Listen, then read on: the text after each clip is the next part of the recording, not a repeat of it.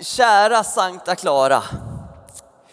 Redan 2600 år innan Herren mötte dig så läser vi i dagens gammaltestamentliga text om hur Herren mötte Jeremia. Och han har jag avbildat här. Det var så här Jeremia såg ut eh, på ett ungefär. Jeremia, hur är det med din Jeremia-kunskap egentligen? Ja, stäng inte av nu, stäng inte av. Häng med lite till. För den kanske precis som med min Jeremia-kunskap blir bättre på en kvart. Jeremia var ju en gammaltestamentlig profet som vi hörde om när Anita läste här för oss från Jeremia bok. Och han var på 600-talet, före Kristus. Därför 2600 år innan Federico. Han verkade i Sydriket, i Juda. Och han var verksam under eh, en, två, tre, fyra, fem kungar var han verksam under. Jag såg för ett tag sedan en del av en dokumentär om hur Billy Graham fick verka tillsammans med ett antal av USAs presidenter genom åren. Jeremia, han fick verka under fem kungar och profetera för ett rike på väg mot undergången. Som var på väg mot deportationen till Babylon som inträffade 586 år före Kristi födelse. Jeremia, visst var han en framgångsrik profet? Eller? Eller förresten, vad är egentligen att vara en framgångsrik profet? Eller ännu mer grundläggande, vad är egentligen framgång? Ja, ofta förknippar vi ju framgång med att nå uppsatta mål, mm, kanske med inflytande, eh, pengar, makt. När man frågar någon till exempel, hur går ditt företag nu för tiden då? Så menar man väl egentligen oftast, hur lönsamt är ditt företag? Framgångsrika människor lever väl eh, njutandes, ett gott liv, uppskattade, eh, till och med beundrade och i balans på livets alla tänkbara områden. Ofta ledare, eh, opinionsbildare, trendsättare med tusentals följare. Ja, enligt en sån definition på framgång så skulle... Här är han igen från sin bästa sida. Jeremia. Skulle han vara en riktig loser? En riktig loser. För under 40 år var Jeremia Herrens språkrör i Juda. Men typ ingen lyssnade på honom. Han saknade lyssnare i varje webbsändning. Vad skulle ni tycka om det, teknikteamet? Webbsändning efter webbsändning utan lyssnare och utan tittare. Kanske med några hånare dock, som anmärker på det man kan. Men Jeremia, han upprepade gång efter gång och lyfte fram Guds budskap utan att svalna i sin iver. Han var en fattig man. Han våndades varje gång han skulle tala. På hans meritlista står också att han blev kastad i fängelse. Det kanske du också har varit. Men inte så många av er har varit slängda i en brunn. Det lyckades också Jeremia med. Det är en dålig dag om vi skulle gå ut här på något av Stockholms områden här och hitta en brunn och, och slänga ner dig. Han blev också förd till Egypten mot sin vilja. Jag tror att flera av er som lyssnar har varit tvungen att åka till ett annat land mot sin vilja. För Jeremia blev det Egypten. Han var föraktad av grannar. Han var föraktad av sin familj, av prästerna, profeterna, vännerna, den allmänna opinionen och kungen. Under hela sitt liv kämpade han för Guds sak. I uttalanden om Guds dom som skulle komma över folken. Jeremia grät över folkets synder och banade väg för ett nytt förbund mellan Herren och hans folk. Puh. Predikan är ju nästan slut nu innan den har börjat. Eh, vill ni ha en kvart till? Inte? Okej. Okay. Eh, vad ska vi göra nu då? Eh, ja, men då identifierar jag mig med Jeremia och säger att om ingen vill lyssna så fortsätter jag ändå. I början av den gammaltestamentliga texten så avslöjas planen för Jeremias liv. När den sattes igång och av vem den sattes igång. Vill ni läsa med mig? Innan jag formade dig i moderlivet utvalde jag dig. Innan du kom ut ur modersskötet gav jag dig ett heligt uppdrag att vara profet för folken. Planen började kort sagt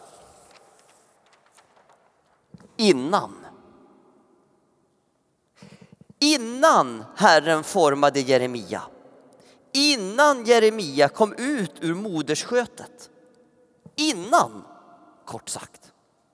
Vi har ju en förmåga att ofta tycka att Gud kommer sent i saker och ting. Att Herren liksom griper in fem i tolv precis innan katastrofen har gått i fullbordan. Men Herren han är inte efter. Han är innan. Han är ledaren. Vi är följarna. Och uppdraget var tydligt för Jeremia. Uppdraget var, vi kan säga det tillsammans, säg med mig, att vara profet för folken. Det är ju bra om man i livet, både kollektivt som församling eller som företag, som familj och som individ, om man förstår sitt uppdrag på ett så lättformulerat sätt så att man liksom kan säga det i någon mening.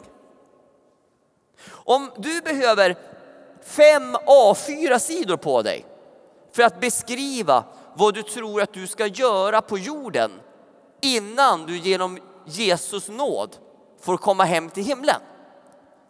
Om du behöver jättemånga sidor på dig för det, då kanske du behöver gå in i kammaren igen och fråga Herre, vad vill du verkligen att jag ska göra?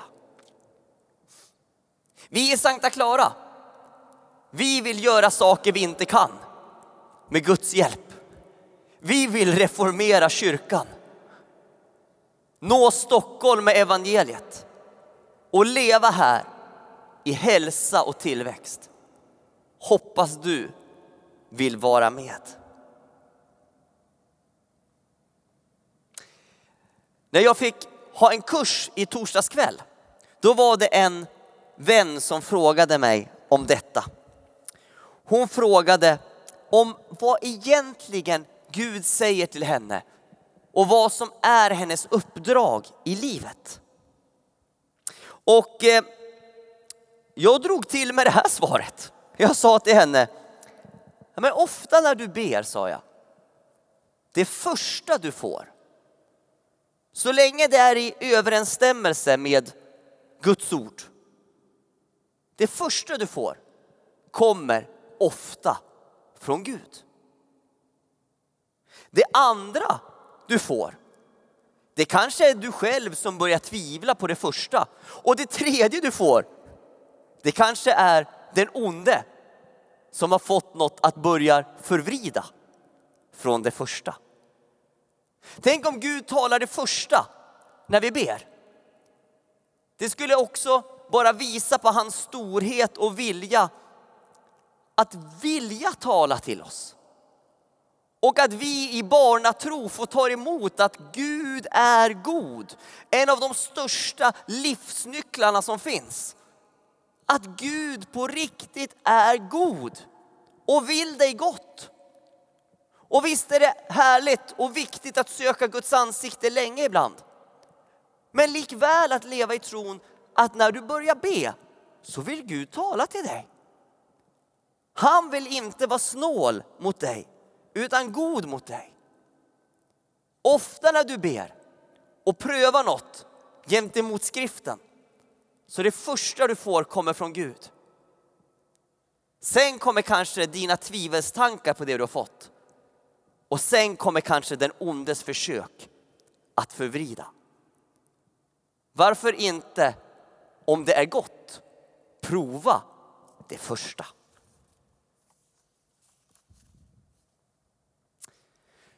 Så Jeremia, när han fick den här kallelsen, så sa han Wow, jajamän herre, jag är rätt person för det här uppdraget. Vad smart du är som valde mig. Nej, förresten, det sa han inte alls. Han sa, han börjar med ett nej. Nej, herre, säger han. Nej, herre min Gud. Jag duger inte till att tala jag är för ung. Det var Jeremias respons på kallelsen. Jag har ofta hört responsen när Gud har kallat från min egen mun och från många vänner till mig där många säger Ja Herre, jag ger dig mitt allt. Jag ger dig mitt liv. Gör vad du vill med mig. Och sen när man kommer i utmaningar och prövningar så klagar man. Men tänk vad man har bett då. Jag ger dig mitt allt. Alltså inte bara tionde, utan hundra procent. Everything. Vet ni vad, jag tror Gud har hört alla ursäkter man kan tänka sig under årens lopp som både praktiskt och teoretiskt går att komma på. Jag är för ung. Den drog Jeremia till med. Det finns fler också. Man kan säga jag är för dum. Eller jag är av fel släkt, säger flera i skriften. Jag är för snygg eller för ful, för kort eller för lång, för smal eller för tjock, för gammal eller för ung. Den där att du är för gammal. Har ni som är 70 plus, talas det ofta om nu för tiden. Har ni testat den? Jag är för gammal. Ja, en vän till mig i kyrkan sa innan corona så sa hon så här till mig. Mats, berätta inte för några hur gammal jag är. För då tycker de nog att jag ska sluta med det jag gör.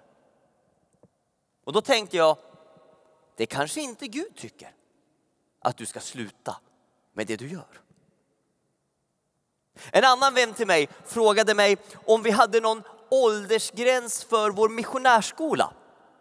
Ja, den som är en årskurs två i vårt utbildningssystem och folkhögskolekurs via Hagabergs folkhögskola som börjar igen 31 augusti 2020 här i Sankta Clara. Hoppas du anmäler dig under sommaren, du som vill gå. Hon frågade mig, har ni någon åldersgräns för missionärskolan? Och jag sa, ja, vi har det. Jaha, sa hon, ja, ja, ja men då får nog några yngre än mig söka. Och då sa jag, det är ju så att vi har en åldersgräns och det verkar ju vara så att, som att Herren har satt en åldersgräns. Och den verkar ju vara vid, vid 120. Då verkar det liksom vara slut här på, på jorden för, för, för människor.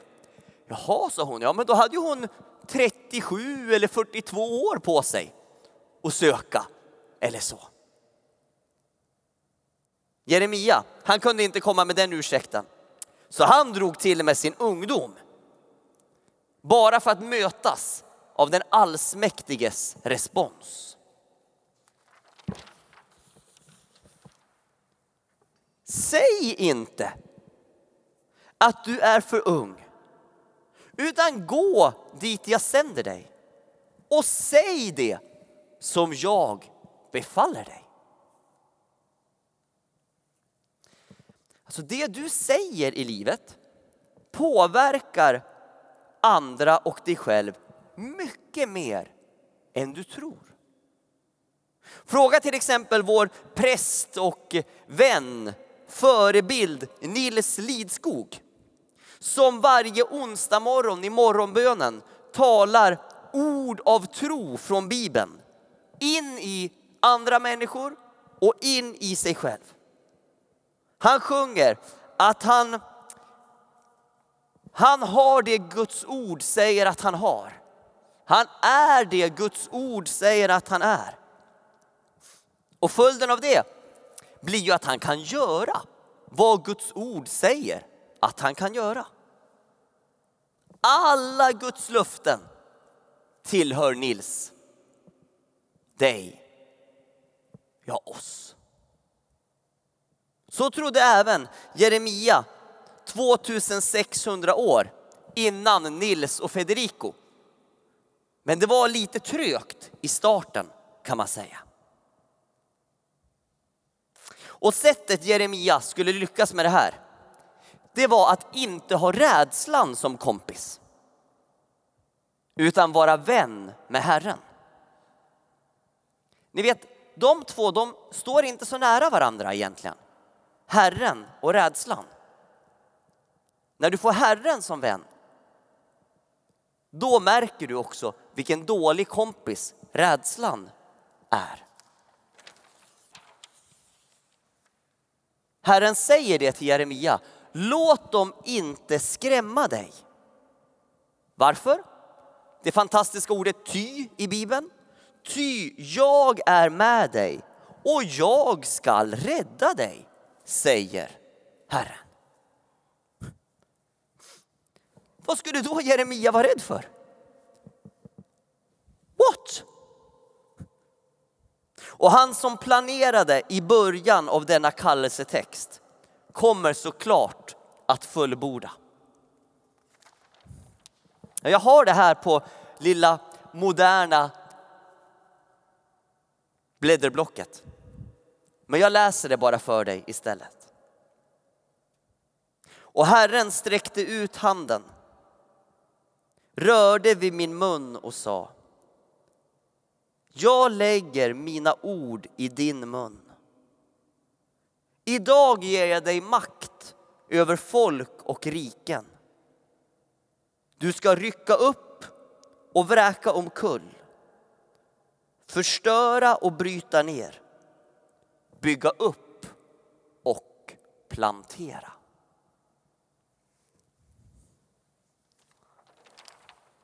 Kanske är det så att vi ofta vill vara utan den här första delen. Vi vill gärna vara utan att rycka upp och, och, och vräka omkull eller så. Men jag hörde bland annat om Reinhard Bonke som har hjälpt många människor till tro på Jesus via väckelsemöten. Som jag uppfattade så var det någon som skrev att Reinhard lät alltid skicka dit sina förebedjare, sina bönekrigare långt innan till den plats de skulle få ha ett väckelsemöte på. För att plundra den onde på den platsen och sen lyfta fram evangelium på den platsen. Rycka upp och vräka omkull, förstöra och bryta ner. Sen bygga upp och plantera.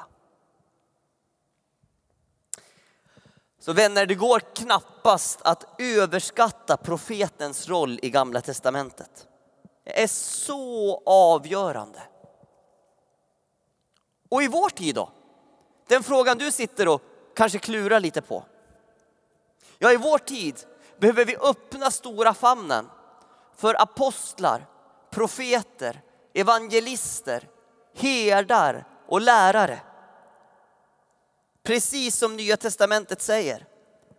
När hela kroppen, också med oss som bedjare och tjänare och givare och uppmuntrare och så vidare är i funktion.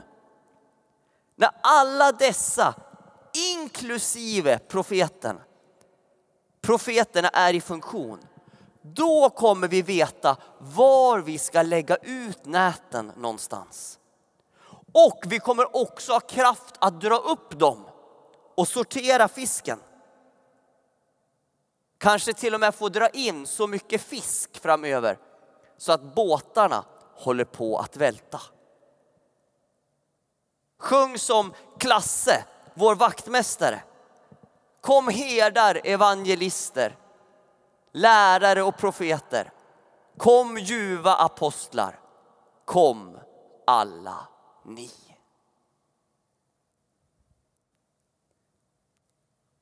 Herre, vi ber att vi ska få gynnas idag av Jeremias exempel. Han som i världens ögon inte var framgångsrik.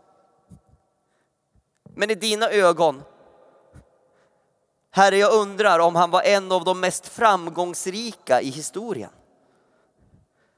Hans lydnad, hans trohet som nyckelbegrepp. Vilka förföljelse och motgångar inte kan förstöra. Utan i slutändan, Herre, går allt din väg. Vi ber att våra böner ska få djupna hos dig. När vi säger att vi ger dig våra liv och vi ger dig vårt allt. Åh milde Herre Gud. Vi ber för vårt land i denna tid om ånger, omvändelse och väckelse. A, B och C. Ånger, omvändelse och väckelse. Amen.